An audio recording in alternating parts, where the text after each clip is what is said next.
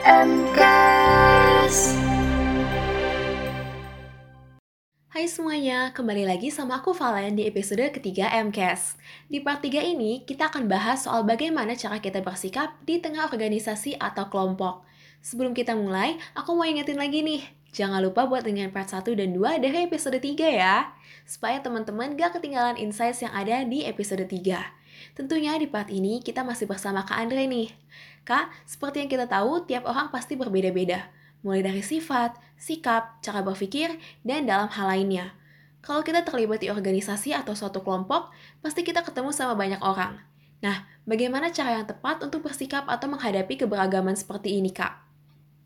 Oke, okay, so um, agree bahwa kita akan ada di lingkungan yang sangat beragam um, I don't know teman-teman yang ada di UPH sekarang apakah merasakan hal itu atau tidak.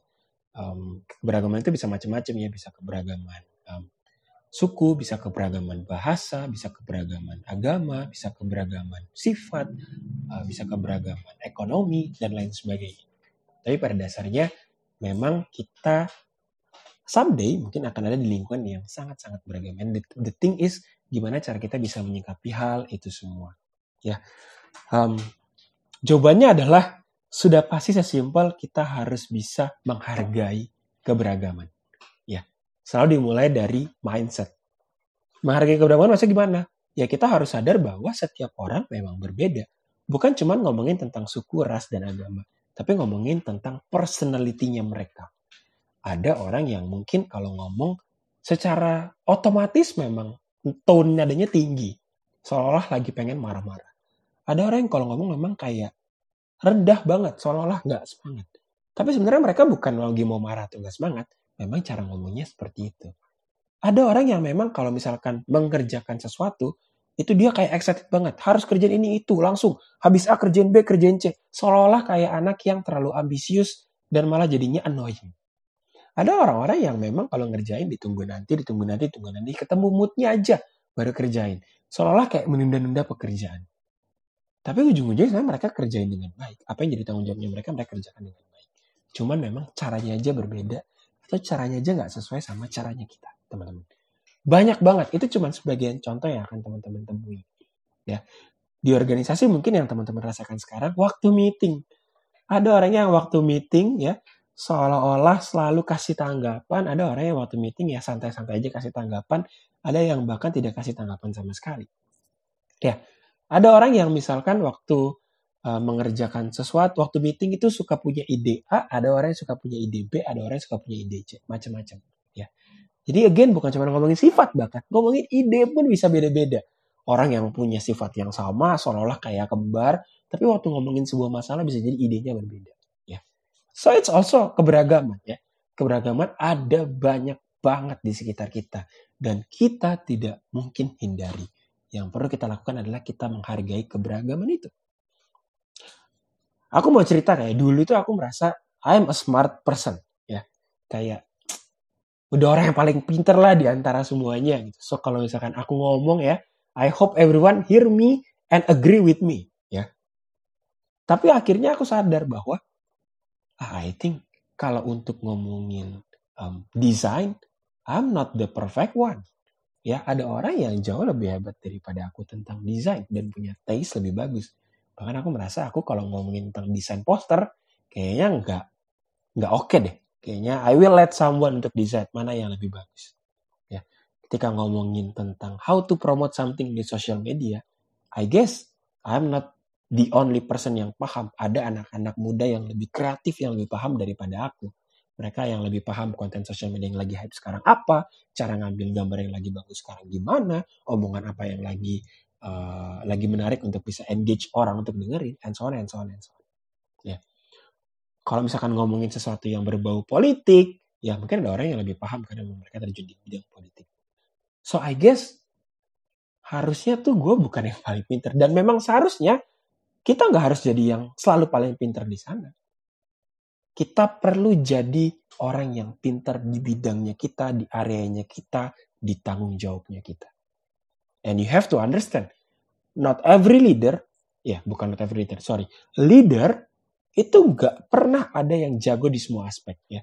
seorang ketua organisasi yang jago untuk um, mimpin rapat, jago untuk mimpin orang, jago untuk bisa uh, membangun acara uh, fashion dengan baik, bangun acara campaign dengan baik, bangun acara diskusi dengan baik, gak ada tuh, gak ada.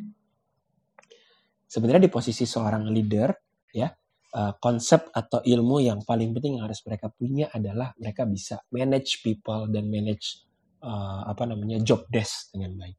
Sisanya they will leave it to the uh, anak-anaknya mereka untuk mengerjakan bagian yang mereka masing-masing. Gitu. So, even as a leader, you are not perfect, ya. You need someone yang ada di sekitar kalian yang berbeda-beda kapasitas. Balik lagi, it's about mindset ya. Oh, kita harus menghargai keberagaman itu sendiri.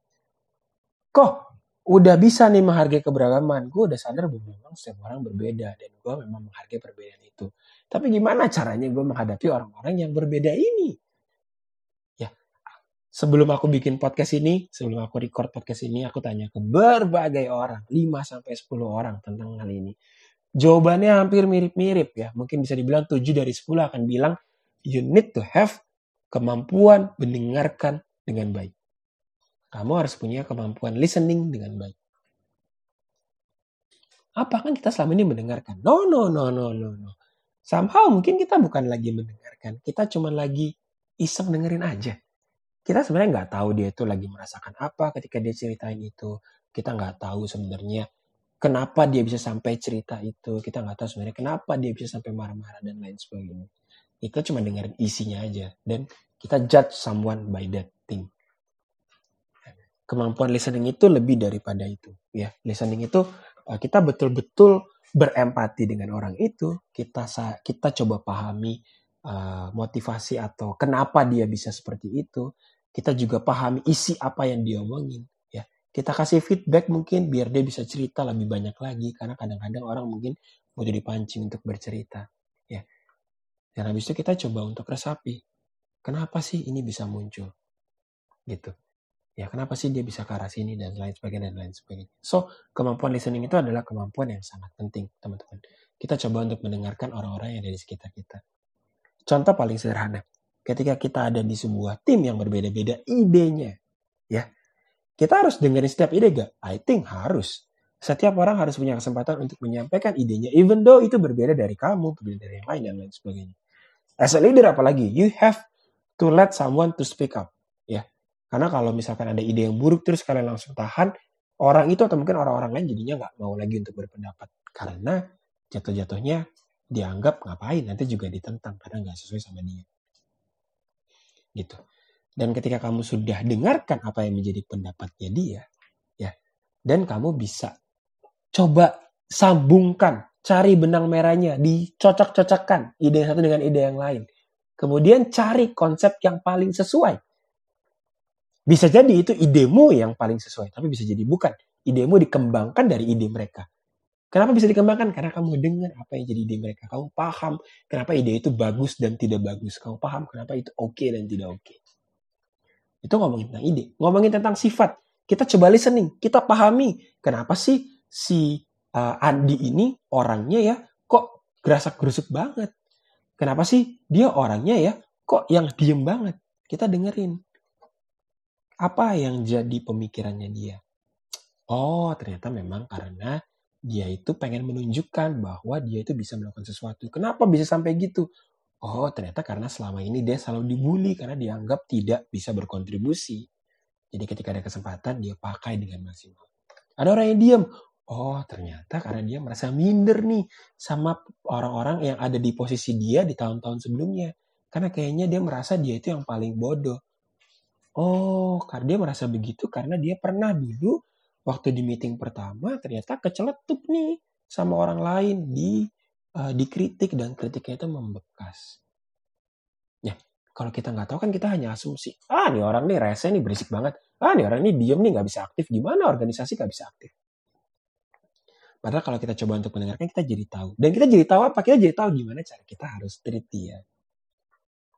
Oh ternyata kalau dia kayak gitu, better gue melakukan A, B, C, D. Kalau dia lagi diam, mungkin lagi mikir sesuatu, better jangan didorong dulu, better ditunggu dulu nanti diajak ngobrol di luar. and so on, and so on, and so on. Dari listening juga kita bisa tanya, kira-kira kamu butuh apa dari saya? Kira-kira kalau kamu lagi gini, saya bisa bantu apa? Ya, kita bisa melakukan tindakan yang tepat dan dibutuhkan oleh orang itu tanpa kita berasumsi. Ya, pusing banget ya, harus bisa gabungin semua ide, harus bisa menerima perbedaan personality. Yes, pusing. Tapi kemampuan kamu bisa menghargai perbedaan dan bisa menghandle perbedaan itu. Dan bisa merajut perbedaan-perbedaan itu, keberagaman itu menjadi sesuatu yang harmonis, sesuatu yang impactful, itu punya value dan impact lebih daripada kamu cuman sekedar bisa melakukan sesuatu sendiri. Dan kita harus ingat bahwa kita melakukan segala sesuatu pasti sama orang lain. Jadi kalau kita nggak bisa kerja sama orang lain, kita mau kerja sama siapa? Dan kalau kita nggak bisa kerja sama sama sama siapa-siapa, hasil yang kita hasil kerja yang kita bisa hasilkan itu akan sebesar apa? Tentunya nggak akan maksimal.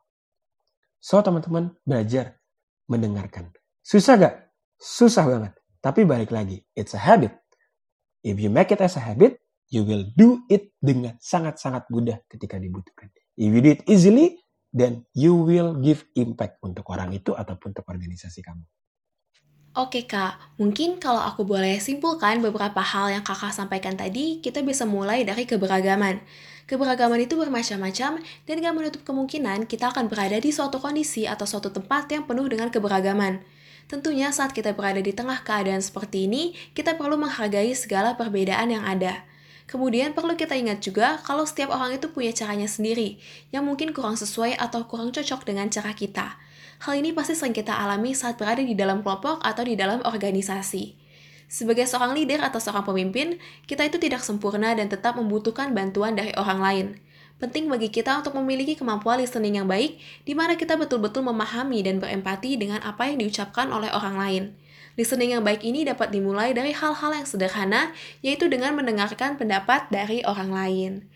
Nah, kita udah dapat banyak hal tentang relasi di dalam organisasi atau kelompok. Tentunya saat kita memutuskan buat masuk ke dalam suatu organisasi atau kelompok, pastinya kita punya komitmen. Komitmen ini sendiri bukan hanya ditujukan ke orang lain, tapi juga ke diri kita sendiri. Sebetulnya apa sih komitmen itu? Temukan jawabannya di part selanjutnya ya. See you!